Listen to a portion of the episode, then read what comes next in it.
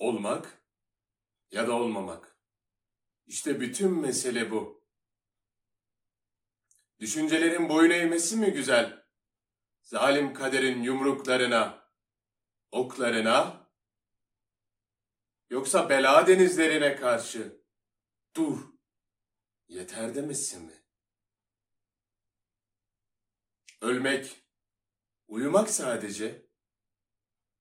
Düşünün ki uyuyarak yalnız bitebilir bütün acıları yüreğin. Çektiği bütün kahırlar insanoğlunun.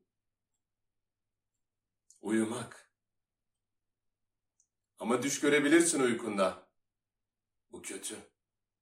Bu çok kötü. Çünkü ölüm uykularında sıyrıldığımız zaman yaşamın kaygısından ne düşler görebilir insan. Düşünmeli bunu.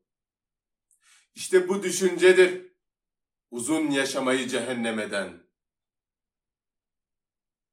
Kim dayanabilir zamanın kırbacına, zorbanın kahrına, sevginin kepaze edilmesine? Kanunların bu kadar yavaş, yüzsüzlüğün bu kadar çabuk yürümesine? Bir bıçak alıp göğsüne saplamak varken, kim katlanır bütün bunlara? Kim ister ağır bir hayatın altında inleyip terlemek?